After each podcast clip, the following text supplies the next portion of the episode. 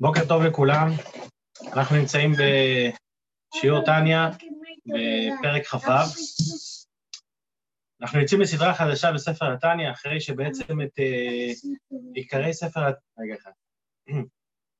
אנחנו יוצאים לסדרה חדשה בספר התניא, אחרי שאת uh, עיקר. השיטה של ספר התניא גילה אדמו"ר הזקן עד פרק כ"ה. זאת אומרת, את השיטה, מה, מהי הדרך לעבודת השם, הדרך ל... כי קרוב אליך הדבר מאוד, בפיך ובלבבך לעשותו, אז יש לנו את הדרך. זאת אומרת, יש את המבנה של הנפשות, יש את הדרך הארוכה בתניא, יש את הדרך הקצרה בספר התניא, אז אנחנו, מה שנקרא, מסודרים. אז מה חסר? היה יכול לסגור את, ה... את הספר בפרק כ"ה ונגמר הסיפור, מה חסר לנו? מסתבר שאנחנו רק בתחילת הדרך. כמה שלמדנו עד עכשיו, אז זה רק אה, מה שנקרא פתיח, זה רק הקדמה לאיפה שאנחנו נמצאים, ש... למקום שאנחנו, שבו אנחנו אוחזים. כי לפעמים ללמוד את כל המידע שלמדנו עד עכשיו ואת החומר ש... שלמדנו עד היום, לא מספיק. למה זה לא מספיק? כי בן אדם רוצה לצאת לדרך, אומר, וואי, יש לי פה את השיטה, בוא נסתער. ופתאום הוא קולט שמולו יש מכשולים. זה לא כזה פשוט, יש uh, אתגרים. לפעמים, מה שנקרא, בתיאוריה, הכל נשמע טוב ויפה, אבל בשטח, פתאום אנחנו נתקלים במציאות אחרת. פתאום אין לנו מצב רוח, פתאום אנחנו לא מבינים כלום, פתאום אנחנו מרגישים אטומים לגמרי, פתאום אנחנו לא מבינים בשביל מה כל הסיפור הזה, מה אני צריך את כל הדבר הזה, מה לי ולזה. זאת אומרת, הבנו שבשביל לעורר אהבת השם צריך להתבונן, אבל זה לא, לא מתבונן לי, זה לא, לא עולה לי. אז יש כל מיני חסמים שמפריעים לאדם. לכן אדמו"ר הזקן מביא בכל החלק השני של ספר התניא, מפרק כ"ו ועד סוף התניא, זה נקרא סדרת העצות.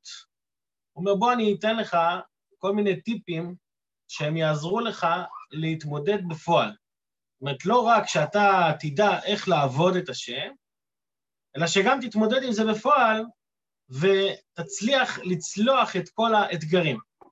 הסדרה הראשונה בסדרת העצות הזאת היא הסדרה הנוכחית שלנו מפרק כ"ו והלאה על נושא השמחה. שהשמחה היא אחד מה, מהכללים היסודיים, היות שכשבן אדם בא לעבוד את השם, הנקודה הראשונה שהוא צריך לדעת היא שצריך לעבוד מתוך שמחה. כי בן אדם שכל היום עובד מתוך הכרח ומתוך עצבות, והוא לא מצליח להתרומם, לרומם את עצמו, אז הוא נמצא בבעיה. כי אם אתה בתנועה של ירידה, בתנועה של עצבות, אז העצבות מורידה אותך כלפי מטה. ויש פה יסוד שהוא יסוד גדול בחיים בכלל, שבן אדם בשביל להצליח חייב לשמור על מצב רוח. לא משנה מה ואיך, לא משנה מה קורה, אדם צריך תמיד לשמור על מצב רוח טוב. לא הצלחת במבחנים, נכשלת ב... לא יודע מה, פיטרו אותך מהעבודה, חס ושלום, כל מיני דברים שעוברים על כל אחד מאיתנו בחיים שלנו, בכל דבר. אם אני אפול לעצבות, אני מפיל, מפיל את עצמי נמוך נמוך. ולכן בן אדם צריך תמיד לשמור על מצב רוח טוב, לא משנה מה קורה, מה עובר איתו. זה היסוד. עכשיו, בשביל להסביר את היסוד הזה, אדמו"ר הזקן בעצם, ב... אני נותן ככה מפה כללית לפרקים שלפנינו. דבר ראשון, הוא מניח את ההנחת יסוד הזאת, הוא מבסס אותה. דבר שני, הוא אומר, אוקיי, אחרי שאני יודע שזוהי הנחת היסוד, מה אני עושה כשעצוב לי? מה אני עושה כשאני לא מצליח? מה אני עושה כשאני... כש... כשיש לי נפילות? אז כל נפילה בעצבות מגיעה ממקום אחר. אז אדמו"ר הזקן מפרק את סוגי העצבויות שיש לנו בתוך הנפש, ומורה לנו דרך איך להתמודד עם כל אחת מהעצבות הזאת. בנוסף לזה, הוא גם מראה לנו שיש עצבות שהיא חיובית. זאת אומרת, תדע להשתמש בכוחות האלה שנקרא, שנקראים עצבות ושמחה, ותמנף אותם לטובת העבודה שלך. זאת אומרת, כל דבר הוא כלי בידך, ביד האדם, האם תצליח להתרומם מזה, או שאתה, או שאתה תיפול מזה למטה. אז זו ההקדמה הקצרה לנושא שלנו, וכעת אנחנו נוכל לגשת לטקסט של ספר התניא, ולצאת לדרך בשמחה רבה. עוד הדגשה קטנה לפני שאנחנו יוצאים לדרך, ש... כידוע, אנחנו בלימוד יומי בספר התניא, יש חיסרון קטן בלימוד יומי שאי אפשר להרחיב על כל דבר. אה, אנחנו לומדים את הנושא בתמציתיות ומתקדמים הלאה, אבל יש בזה גם מעלה גדולה. מה המעלה? שאנחנו מתקדמים כל כך מהר, שאנחנו זוכרים את, ה... את הפרקים הקודמים עוד בראש. זאת אומרת, כשאתה לומד לפעמים פעם בשבוע, אז אתה מתקדם ואתה לא תמיד זוכר מה היה פעם קודמת, אבל פה שכל יום אנחנו מתקדמים, יש לנו דרך לראות את, ה, את המפה הכללית של הנושא שבו אנחנו אוחזים. על דרך זה אנחנו גם בעזרת השם נראה בנושא של השמחה, שכל יום אנחנו נתקדם עוד צעד ועוד צעד, ולא נצטרך חודשים כדי להגיע למסקנה, אלא במשך שבוע אנחנו נצליח להקיף את הנושא ועוד לזכור אותו מההתחלה עד הסוף בעזרת השם. אז אנחנו יוצאים לדרך, פרק כ"ו. ברם כגון דא צריך להודוי כלל גדול. כן, אבל אחרי מה שלמדנו עד עכשיו, עדיין צריך להודיע כלל גדול, המילה כלל גדול היא, היא מילה מיוחדת בספר התניא, זאת אומרת, יש פה כלל שהוא מיוחד לעבודת השם. אומר האדמו"ר הזקן, כן, כי כמו שניצחון לנצח דבר גשמי, כגון שני אנשים המתאבקים זה עם זה להפיל זה את זה, הוא נותן לנו פה משל מאגרוף, יש פה שני אנשים שנאבקים אחד בשני. מה קורה? הנה, אם האחד הוא בעצלות וכבדות, ינוצח בקל ויפול, גם אם הוא גיבור יותר מחברו. זאת אומרת, אם יש אחד, בריון, אבל הבריון הזה קם על רגל שמאל, בדיוק אמרו לו איזו מילה לא טובה הבוקר, והוא כולו מבואס על החיים, מה שנקרא. לעומתו עומד אחד שהוא ספלון, אה, רזה, חלש, אבל, אה, אבל הוא זריז, אבל הוא מהיר והוא שמח, השמחה והזריזות הזאת תגרום לו לנצח את הבריון החזק העצוב. למה? כי העצבות מביאה לידי עצלות ולידי כבדות. זהו המשל. מה הנמשל? כן, כאילו את המשל כולם מבינים, נכון? שאם אני, אני בשמחה, אני יותר זריז, אני יותר אקטיבי. אפשר לקרוא לזה במילה נרדפת גם מוטיבציה. אומרת, אם יש מולי בן אדם שהוא חלש ממני, אבל אני רואה, אני רואה אצלו אש בעיניים, אני רואה שהוא עם מוטיבציה לנצח, אז יכול להיות שאני יותר חזק, אבל הוא, הוא יפעיל את כל הכוחות בשביל לנצח. יש לו מוטיבציה. ככה ממש אומר הנוער הזקן בנמשל, ככה ממש בניצחון היצר. אי אפשר לנצחו בעצלות וכבדות הנמשכות מעצבות וטמטום הלב כאבן. אתה רוצה לנצח את היצר הרע?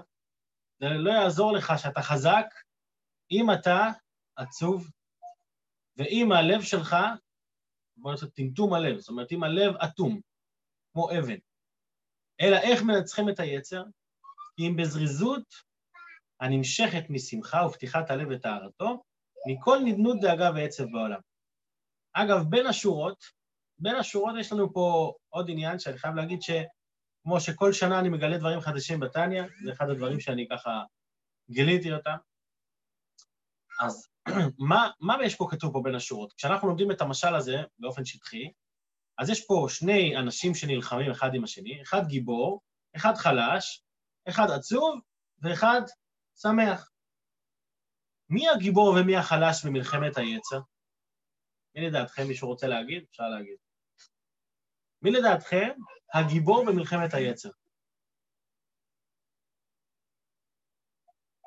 אז כמובן, תמיד אנחנו נגיד שהנפש הבעמית תהיה חזקה, ואם אתה רוצה לנצח מישהו חזק, תהיה בשמחה. מסתבר שהדבר הזה כן פה, בין השורות כותב לנו, והוא גם אמר את זה במפורש לפני כן, שמי הוא יותר חזק? הנפש האלוקית יותר חזק. למה? כי כבר בפרק י"ב הוא הניח לנו את ההנחה שמוח שליט על הלב. ומי נמצא במוח? הנפש האלוקית. זאת אומרת שבטבע האדם מי יותר חזק? הנפש האלוקית. הבעיה היא שלמי יש יותר מוטיבציה? לנפש הבעמית. זאת אומרת, בטבע מי היותר חזק באמת? באמת הנפש האלוקית יותר חזקה. היא נמצאת במוח, היא שולטת על הלב, היא גם יודעת מה נכון, היא הולכת עם האמת. היא הולכת עם האמת. לעומת זאת, הנפש הבעמית היא הרבה, עם הרבה יותר מוטיבציה, למה? כי היא נמצאת בלב. הלב הוא חם, הלב הוא כל הזמן מפעיל את הרגש. כשאני, כשאני נופל, כשאני, כשאני נופל בדבר עבירה אפילו, אז אני לא אומר לעצמי, שמע, זה הדבר הנכון. מה אני אומר לעצמי? אני יודע מה הנכון, אני יודע מה האמת, אבל לא בא לי עכשיו, לא בא לי. הנפש הבעמית לא נלחמת בשכל שלה, של הנפש האלוקית. הנפש הבעמית נלחמת ברגש. כי שם זה השטח שלה, שם זה הקרב שלה, ושם יש לה גם הרבה יותר מוטיבציה. ולכן היא לא, היא לא אומרת לבן אדם, תשמע, זה לא האמת, זה לא נכון, זה לא... זה לא, לא היא אומרת לו, אני יודעת שזה האמת, הוא רק, רק אומרת, רק עכשיו, עזוב, לא, לא צריך עכשיו. עכשיו. עכשיו זה לא דחוף, זה לא מה שצריך עכשיו. וזה מה שאומר אדמו"ר הזה, כן, פה, תקשיב, אתה יותר גיבור. גם אם הוא גיבור יותר מחברו, יש, לך את, יש לנו את הכוח. רק מה קורה? שאנחנו לפעמים נופלים בעצלות וכבדות. העצלות וכבדות, העצלות והכבדות, הם גורמים לבן אדם, לנפש האלוקית שלנו, שהיא יותר חזקה, הם גורמים לנו אפילו לפעמים להפסיד במלחמה. ולכן צריך להתגבר, ולא להיות בעצלות וכבדות, אלא לעבוד על מידת השמחה, כי אם אתה לא תהיה בשמחה, אז הנפש הבעמית שהיא חלשה יותר, היא תצליח לנצח, כי היא עם הרבה הרבה מוטיבציה. יכול להיות לפעמים שיש אויבים, יש, יש מדינה חזקה שיש לה כלי נשק גדולים, אבל יש לה אויב, איזה קבוצת טרור שמנסה כל הזמן להפיל אותה, ובגלל שהמדינה החזקה לא רוצה עכשיו לנצח אותו בבת אחת, כי, כי זה לא כוחות, אז היא לא מפעילה עליה כוחות חזקים. אז מה קורה? כל הזמן הטרור מנצח, לצערנו. לא משנה. בכל אופן, זה הנקודה גם במלחמת היצר. הכוח אצלנו, רק העצלות גם נמצאת אצלנו. לכן העצלות, הכבדות והעצבות הם, הם היסודות לנפילה. וכשבן אדם יעבוד על הנקודה הזאת של שמחה, היסודות האלה ייפלו. ומה שכ, שכתוב, בכל עצב יהיה מותר, יהיה מותר, שלמה המלך אומר שיש מושג שנקרא בכל עצב יהיה מותר. השמחה לפעמים היא, היא בעייתית, בן אדם שהוא שמח הוא זחוח, ובכל עצב יהיה מותר, הוא אומר העצבות היא מעמידה את הבן אדם על המקום האמיתי, אז למה, אז, אז אנחנו רואים שיש מקור לכך שהעצב הוא חיובי, אז מה חיובי בעצב? אז מור זה כן לא שולל את העצב לגמרי, רק הוא אומר, יש עצבות שהיא חיובית, נכון? הוא לא מדבר על זה בפרק הזה, על העצבות החיובית הוא ידבר יותר מאוחר. פרק כ"ח, אני חושב, כ"ז, כ"ט. אבל הוא אומר, מה שכתוב בכל עצב יהיה מותר, פירוש שיש איזה יתרון ומעלה מזה. מה זה מותר? מותר מלשון יתרון. מה היתרון בעצב? העצב מביא אחר כך לעשייה, שזו נקודה שאנחנו נרחיב עליה בהמשך, שיש עצבות שהיא מותרת, ובתניא קוראים לזה מרירות, לא עצבות, שמה זה מרירות? מרירות זה תנועה שהאדם, הוא מתחרט על המעשים שלו, מתחרט על הדברים שלו, וזה גורם לו לעשייה. ויש גם כלל איך לדעת מה זה עצבות ומה זה מרירות. אנחנו נלמד לכלל הזה גם בהמשך. אבל כאן למשל מור כן רוצה להגיד לנו שהשמחה היא-היא היסוד. וכל השאר, בינתיים צריך לשים בצד. הנה, אדרבה. מלשון זה משמע שהעצב מצד עצמו אין בו מעלה. רק שיגיע ויבוא ממנו איזה יתרון. בכל עצב יהיה מותר. אומרת, יהיה לו יתרון שיבוא אחריו. מה? והיינו השמחה האמיתית בהשם אלוקיו. אחרי שאתה מריר, אתה מתחזק, אתה קם, אתה מנער את האפר, ואתה מסתער על המלחמה מחדש. ומה זה ההסתערות הזאת? השמחה האמיתית בהשם אלוקיו, הבאה אחר העצב האמיתי, לעיתים מזומנים על עוונותיו ומר נפשו. ולב נשבר. זאת אומרת, על ידי שהאדם הוא בלב נשבר, על ידי שהוא מתחרט על המעשים שלו, אז מה הוא עושה בלב נשבר הזה? שעל ידי זה נשברה רוח אטומה וסטרא אחת. השבירה הזאת שיש לאדם מבפנים, היא שוברת את ה...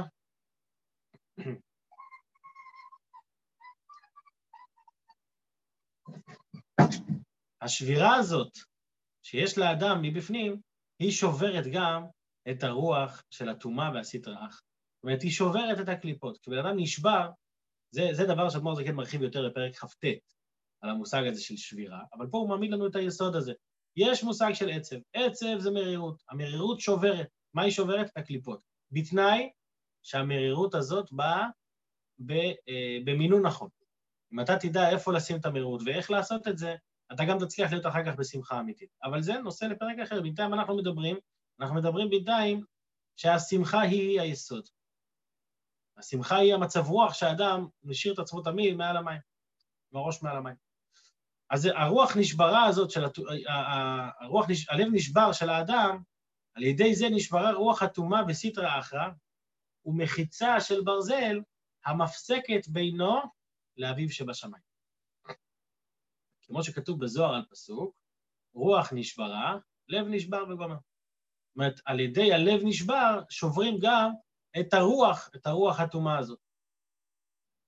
ואזי, אחרי שהוא עושה את המרירות הנכונה הזאת, לא עצבות סתם, אזי יקוים בו רישא דקרא, ההתחלה של הפסוק, מה כתוב שם בפסוק? תשמיעני ששון ושמחה.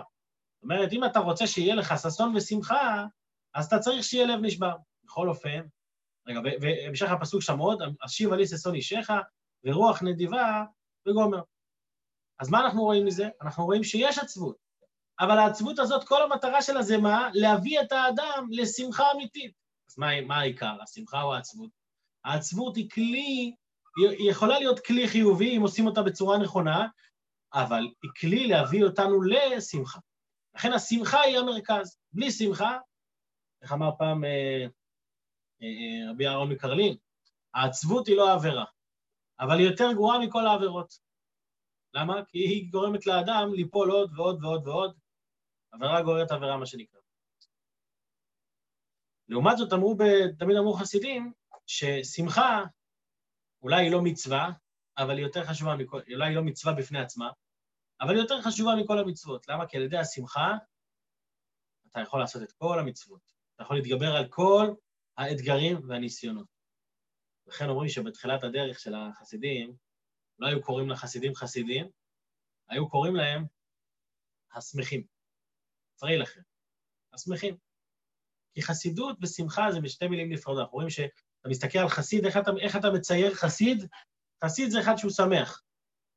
אז כל החסידות נועדה להביא את הבן אדם, אם נגיד את זה בשפה ישראלית, להביא את הבן אדם למצב רוח טוב. לשמור על מצב רוח, לשמור על פרופיל אה, שמח תמיד.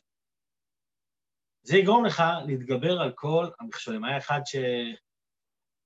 שהגיע פעם לאיזה אדמו"ר, ואמר לו, יש לו קשיים בפרנסה וכל מיני, הוא סיפר לו על כל האתגרים שלו, ו... אז הוא אמר, אז האדמו"ר אמר לו, תהיה בשמחה. אז הוא אמר, איך אני יכול להיות בשמחה אם המצב הכלכלי כזה קשה? אז הוא אומר לו, נו, מה לא עושים בשביל פרנסה? תהיה בשמחה, זה ישפיע עליך פרנסה גם. זאת אומרת, גם כשקשה, גם כשלא שלא הולך, בכל זאת, לשמור על שמחה. איך עושים את זה? תכף, זה לא, זה לא היום. אבל אנחנו בתחילת הדרך, מבינים את זה ש, שצריך להבין את זה. זאת אומרת, להבין את זה שבלי זה אי אפשר. אוקיי, בוא נמשיך. וזהו הטעם הפשוט לתיקון האריזל לומר מזמור זה, את המזמור שכתוב בו רוח נשברה, לב נשבר ונבכה, אחר תיקון חצות, קודם הלימוד. למה? כי תיקון חצות, אתה קם באמצע הלילה ובוכה במר נפשך על חורבן הבית. האריזל תיקן שאיך אתה מסיים את התיקון חצות עם הפרק שנותן לך מעבר לתנועה של שמחה, לעבור מהמרירות של התיקון חצות לעשייה, לרומם את האדם חזרה לשמחה. למה? כדי ללמוד בשמחה אמיתית בהשם הבא אחר העצם. שיש לשמחה זו יתרון. אגב, אה, הוא גם אמר פה כמה פעמים, ללמוד בשמחה אמיתית בהשם, גם פה הוא אמר קודם, אה, שמחה אמיתית בהשם אלוקיו, שכאן הוא גם מפנה אותנו לפרק ל"ג, שחוץ מאיך לא להיות עצוב, הוא גם מסביר ממה להיות שמח, שזה גם נקודה חשובה מאוד. הרבה פעמים אנחנו עובדים על עצמנו, אל תהיה בעצבות, אל תהיה בעצבות, אבל בסוף אתה שואל את עצמך, אבל ממה להיות שמח? זה בהמשך הסדרה, בפרק ל"ג, אה, גם פרק ל"א, ממה להיות שמח בפועל. השמחה החיובית, לא רק למה לא להיות עצוב. בכל אופן, יש לשמחה הזו שבאה אחרי הלימוד בתיקון חצות, יש לה יתרון. מה היתרון? כי יתרון האור הבא מן החושך דווקא.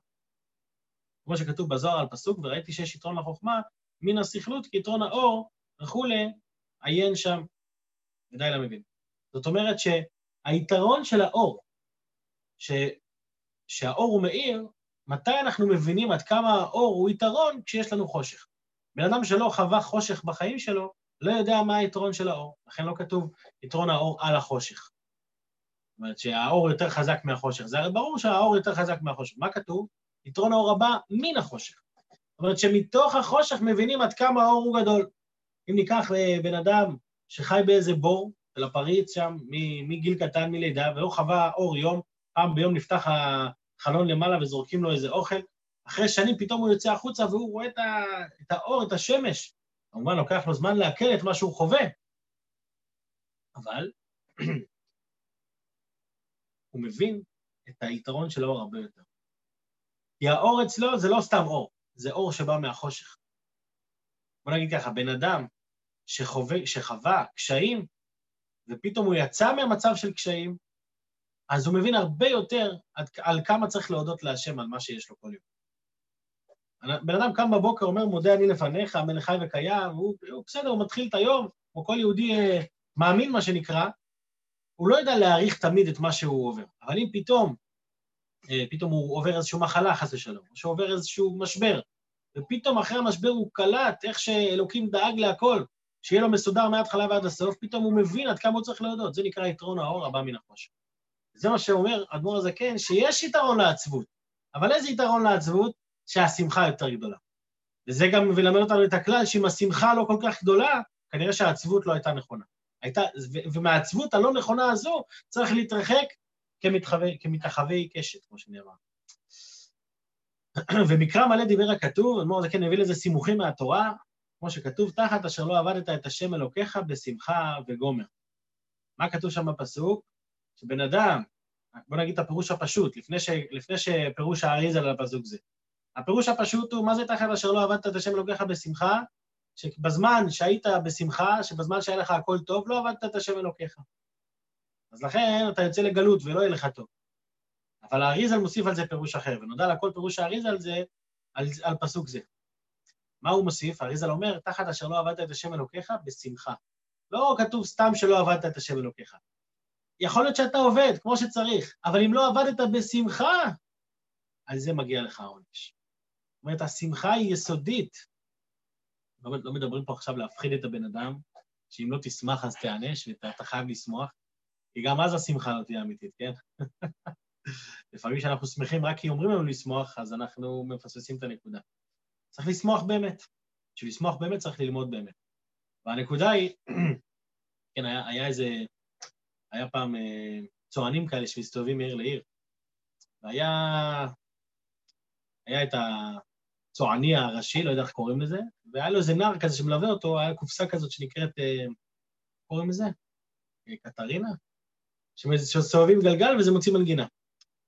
אז עכשיו התפקיד של, ה, של המציג היה לעשות את ההצגה תוך כדי המנגינה, והתפקיד של, ה, של הנער שליווה אותו היה לסובב את הגלגלת הזאת שעושה את המנגינה, ו, אה, ו, ו, ו, ותוך כדי לצעוק לקהל, שמח, שמח, שמח. פעם אחת הם נסעו באחד מהמסעות שלהם, והוא נתקע שם, הנער לא הצליח לסובב את זה כמו שצריך.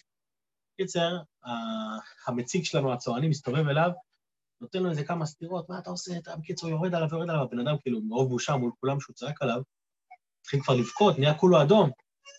אבל אה, אחרי כמה דקות אה, הוא אומר, טוב, ממשיכים בהופעה. אז הוא היה צריך לסובב את הגלגל, הוא מסובב וסובב, כולו דמעות וכולו אדום, וההוא שם נותן, את ההופעה, והנער דופק על הקופסה וצועק, שמח, שמח, וכשמסתכלים עליו רואים שהבן אדם כולו בוכה באדום ומבושה, אבל הוא צועק שמח, שמח. אז לא לשמחה כזאת אדמו"ר הזה כן מדבר. אדמו"ר הזה כן מדבר על שמחה אמיתית. בן אדם ששמח באמת, יכול להתגבר על כל מלחמה ועל כל מכשול, בעיקר, בעיקר, זה בכלל בחיים, אבל בעיקר במלחמת היצר. שהמלחמה הזאת היא תמידית. גם כשאני יודע את כל מה שלמדתי עד פרק כ"ה, גם כשאני יודע שיש התבוננות ושיש אהבה מסותרת, אני יודע הכל. אבל אני לא שמח, אני סתם עצוב, אני סתם מבואס. צא מהעצבות, תתחיל לשמוח, אתה תתגבר על הכל.